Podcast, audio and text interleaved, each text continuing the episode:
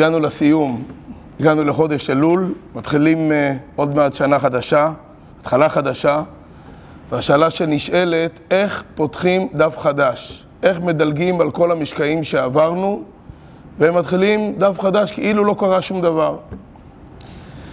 אז ראשית צריך לדעת שיש לנו מתנה חדשה, גדולה, שזה נקרא ראש השנה, וההכנה שלה בחודש אלול. אני רוצה לפתוח בסיפור מיוחד. היה פעם לילה מאוד קשה אצל הרבה, אצל הרבי מלובביץ', לילה של יחידות, שהרבי קיבל אנשים, הרבי היה מקבל כמעט כל הלילה, לפעמים גם עוד עד אור הבוקר. ככה היה באותו לילה, נכנסו כל מיני אנשים, האחרון שבהם היה עיתונאי חבדניק, קראו לו גרשון ג'ייקובסון. יש לו בן מרצה גדול מפורסם. ו...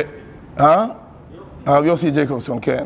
אבא שלו היה עורך עיתון, ובין התפקידים שלו היה נוסע לכל מיני מקומות כדי לסקר קהילות. היה נוסע גם לרוסיה.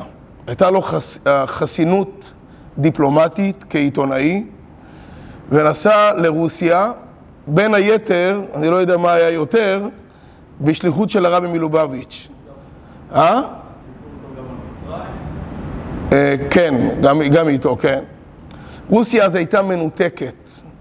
היהודים של רוסיה היו מנותקים, לא יכלו לנהל קשר עם העולם החיצון, מה שהיה נקרא אז, רוסיה היה, הייתה נמצאת מאחורי מסך הברזל.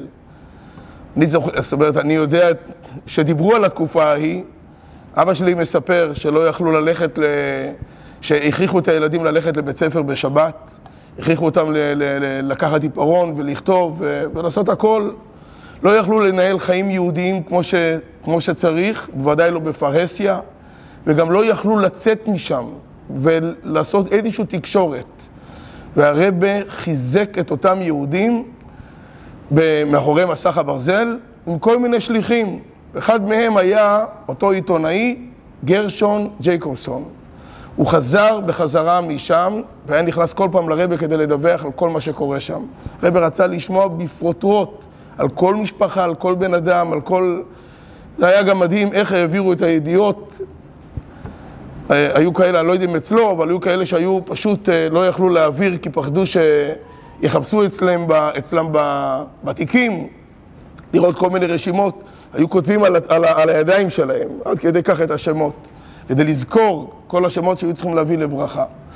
וככה גרשון הזה מספר שהוא היה לילה שלם וסיפר דרישות שלום אישיות מהמשפחות וכל סיפור של משפחה מצד אחד הביא לרבה ידיעה וקשר והיה חשוב לו מאוד לשמוע, מצד שני כל משפחה זה עוד אבן, עוד קושי, עוד מסע כבד.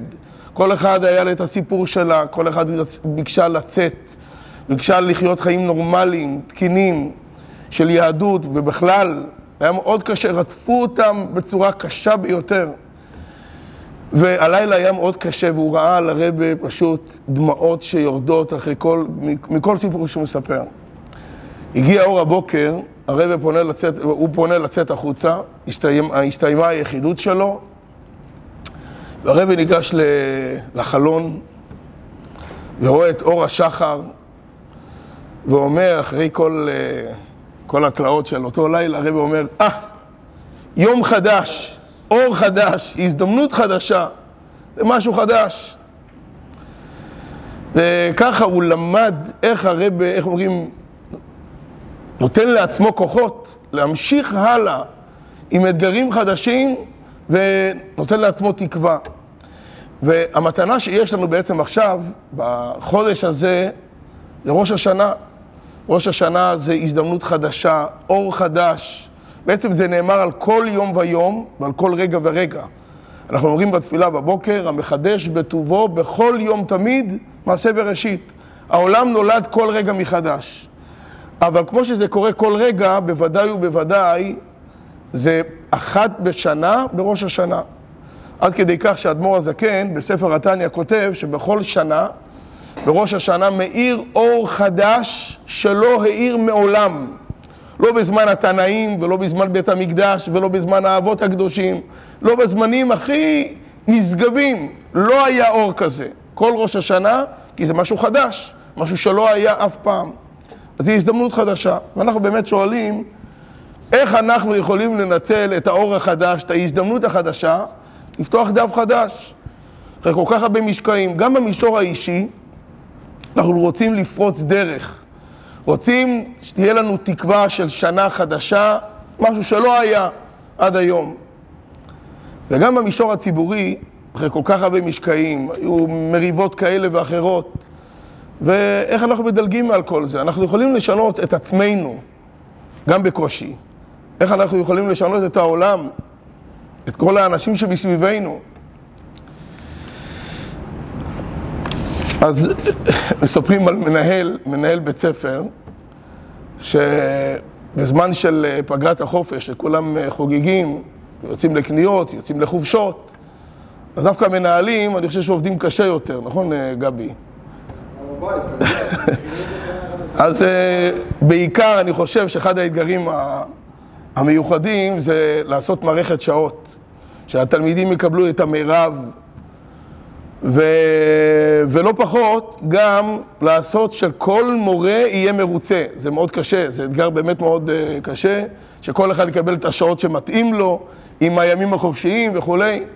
ככה הוא יושב על המדוכה כדי לסיים, ותמיד בסוף יש את הפירורים הקטנים שדווקא איתם קשה מאוד, ובתוך החדר שלו יושב לו הילד הקטן, וכל הזמן משעמם לו מאוד, מבקש מאבא, מה הוא יכול עוד לעשות, מה אבא עוד יכול... אה, הוא גם שואל את אבא, אבא, מה אתה כל כך עסוק? מה...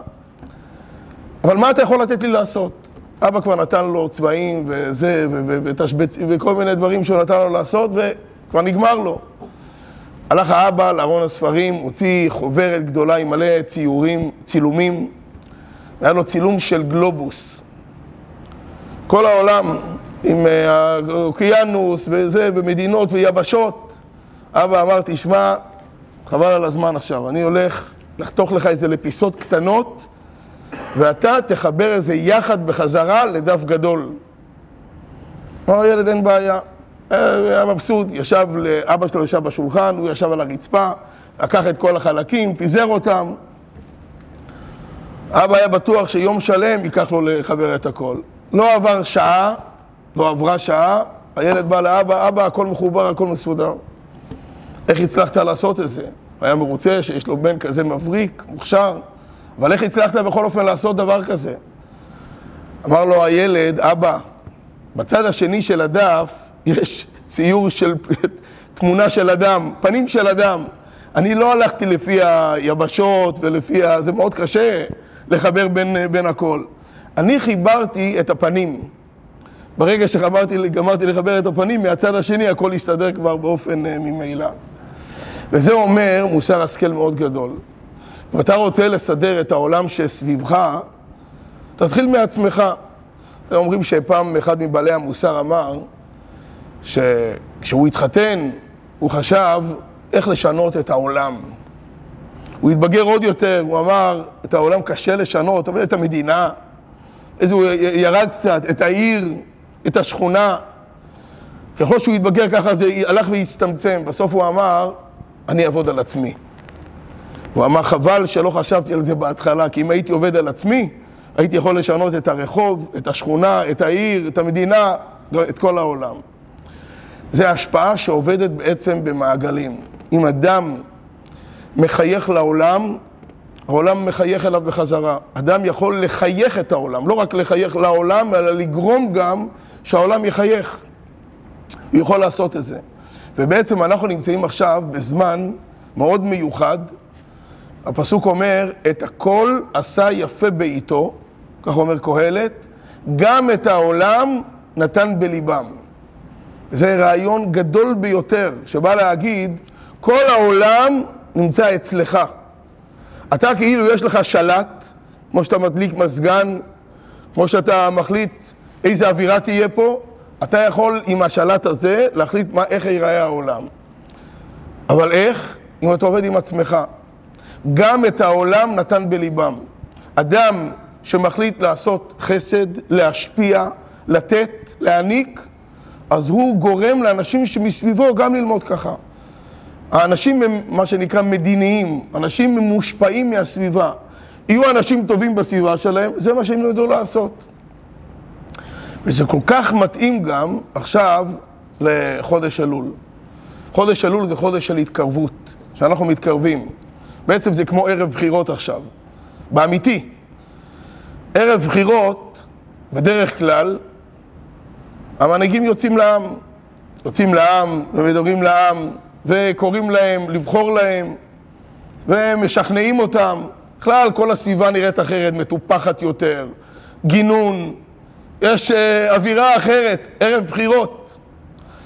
אנחנו, להבדיל כמובן, יש לנו ערב בחירות כל שנה מחדש. מתי? בחודש של המלך בשדה, כן. אז זה בעצם מתחלק לשתי תקופות. קודם כל, חודש אלול זה ראשי תיבות, אני לדודי, א', ל', ו', ל', אני לדודי ודודי לי. אה?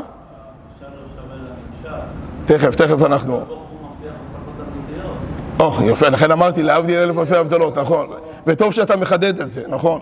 הקדוש ברוך הוא מבטיח הבטחות, הוא גם יכול לתת. הוא לא רק מבטיח ומקיים, הוא גם יכול לתת את זה. ואנשים לא יכולים להבטיח, הם לא יודעים מה ילד יום, נכון.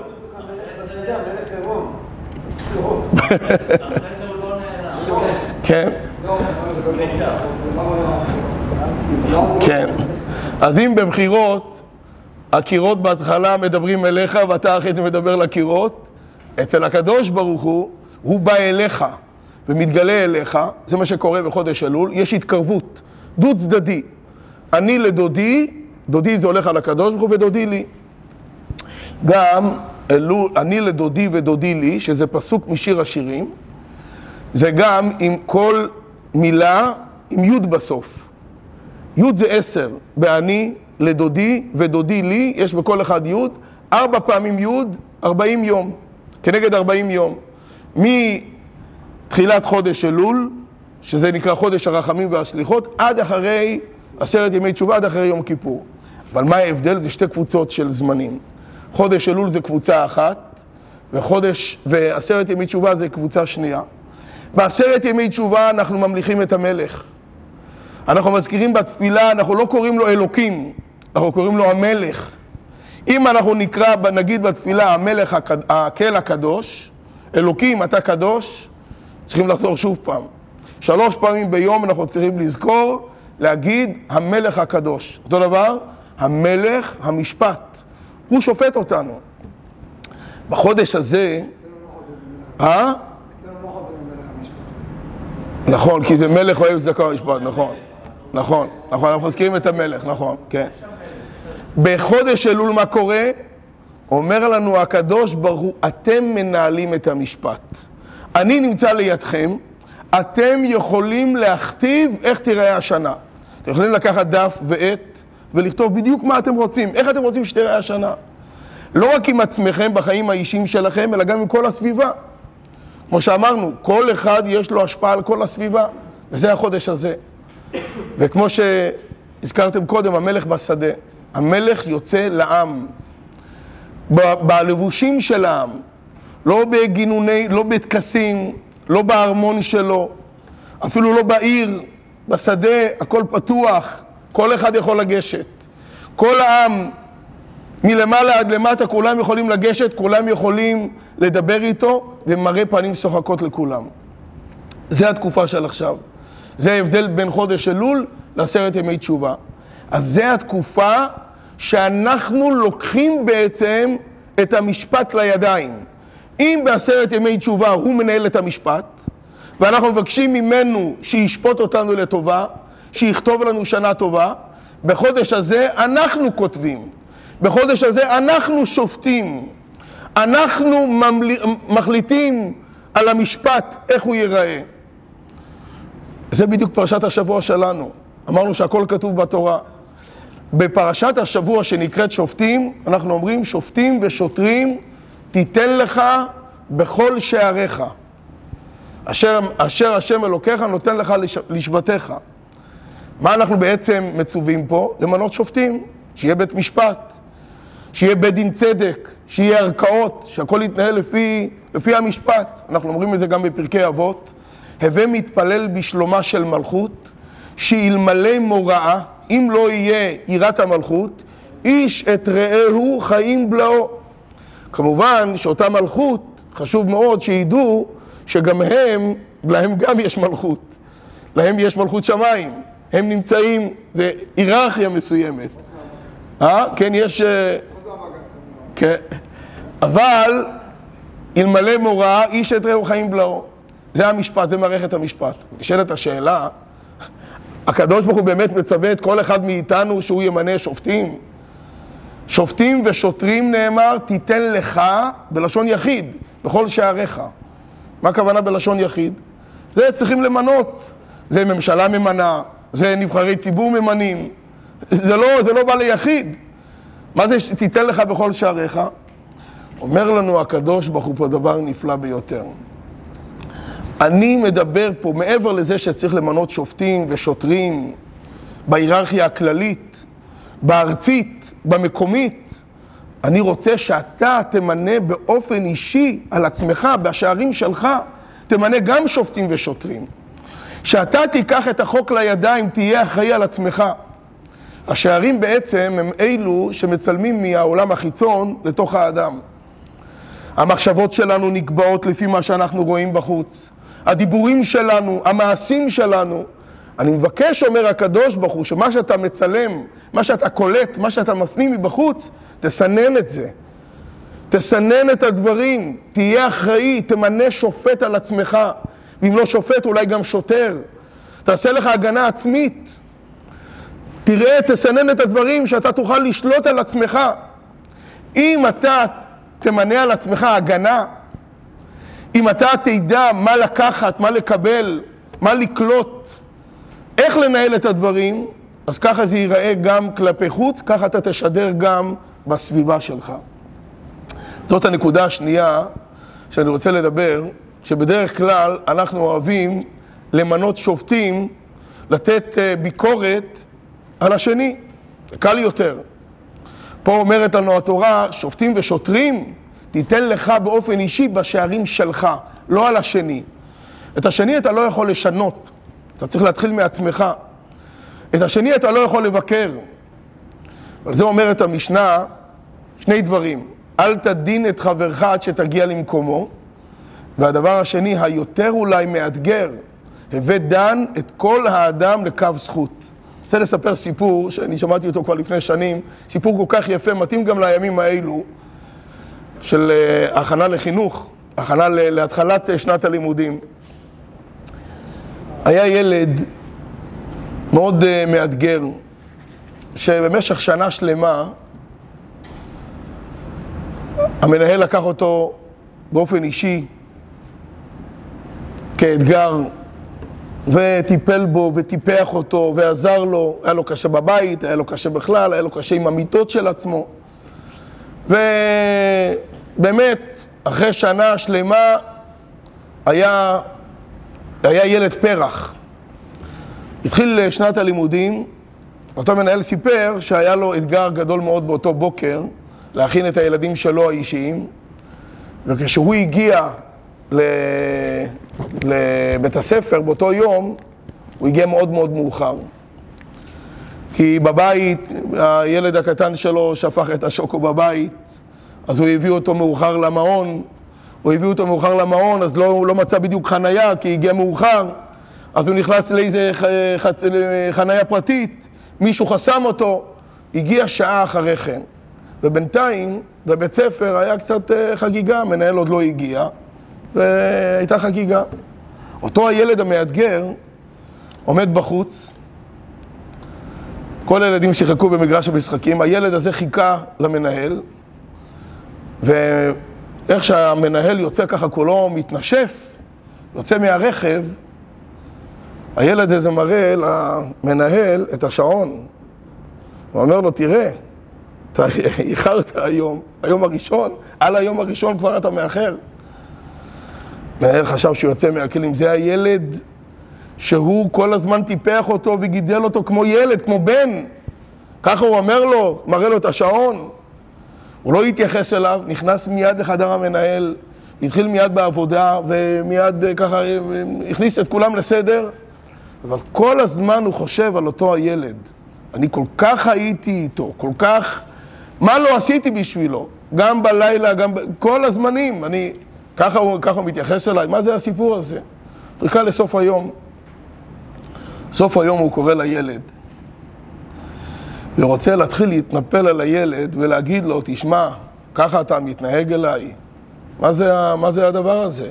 זה כבוד? זה צורה? ככה חינכתי אותך, השקעתי בך כל כך הרבה. עוד לפני שהוא התחיל לומר משהו לילד, אומר הילד למנהל, כבוד המנהל, רציתי להראות לך את השעון החדש שאבא שלי קנה לי להתנהגות שלי. בגלל שאנחנו עשינו עבודה ביחד, וכל פעם היית חותם לי שהייתי בסדר, אבא בסוף השנה קנה לי שעון חדש. רציתי להראות לך את השעון, איזה שעון חדש, בגלל שאתה, היה לך כל כך הרבה סבלנות אליי. הבאת דן את כל האדם לקו זכות. להיות שיפוטיים בקשר לעצמנו. לשנות את התמונה האישית שלנו. כשאנחנו נשנה את התמונה שלנו, גם העולם ישתנה. ולשים לב ביחד עם זה, חס וחלילה לא לדון את השני לקו זכות. ואני רוצה, לא לדון לכף אה, חובה חס וחלילה, לדון אותו לכף זכות. ואני רוצה לומר פה אמרה מאוד מיוחדת של הבעל שם טוב, שמביא אותה רבי נחמן מברסלב.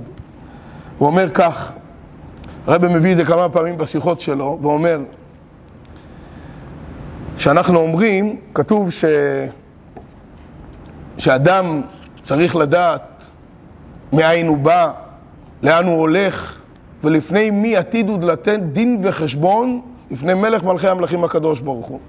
נשאלת השאלה, מה זה לפני מי אתה עתיד ליתן דין וחשבון? קודם עושים חשבון עם הבן אדם, ואחרי זה נותנים לו את הדין. מתי הקדוש ברוך הוא עושה איתנו את החשבון? כל השנה.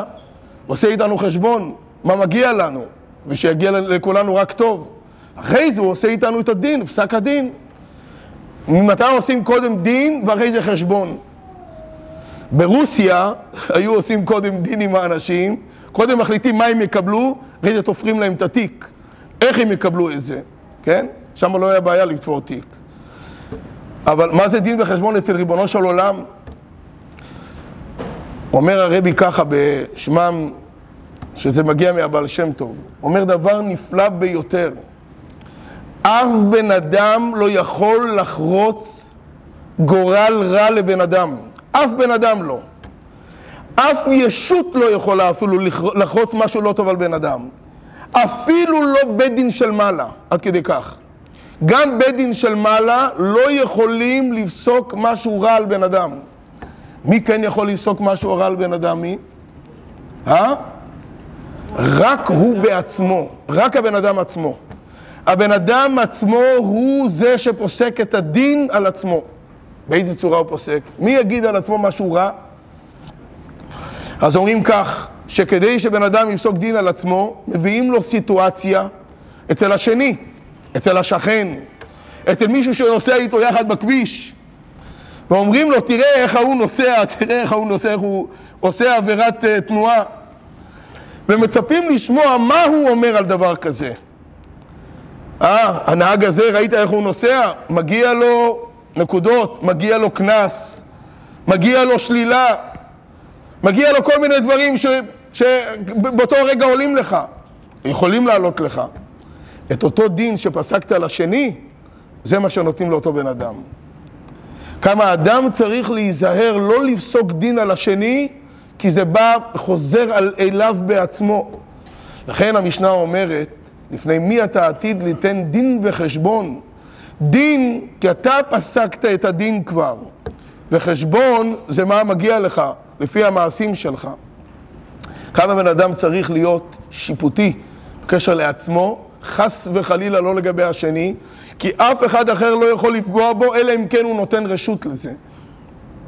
לכן בחודש אלול, שזה הזמן של הרחמים והשליחות, רחמים ושליחות בינינו לבין בורא עולם, רחמים וסליחות בינינו לבין האנשים שסביבנו, ולדעת שבעיקר הביקורת, מישהו אמר פעם דבר יפה, אומר שאתה מפנה ביקורת לשני ואומר זה השם, אז אצבע אחת אתה מצביע עליו, אבל שלוש אצבעות אתה מכוון אליך. שלוש אצבעות האלו, אתה צריך לשים לב לשלוש האצבעות שמכוונות אליך, לתקן את עצמך, ואז גם השני ילמד ממך, כי מרובה מידה טובה ממידת פורענות, שהיא יכולה להשפיע על כל הסביבה כולה.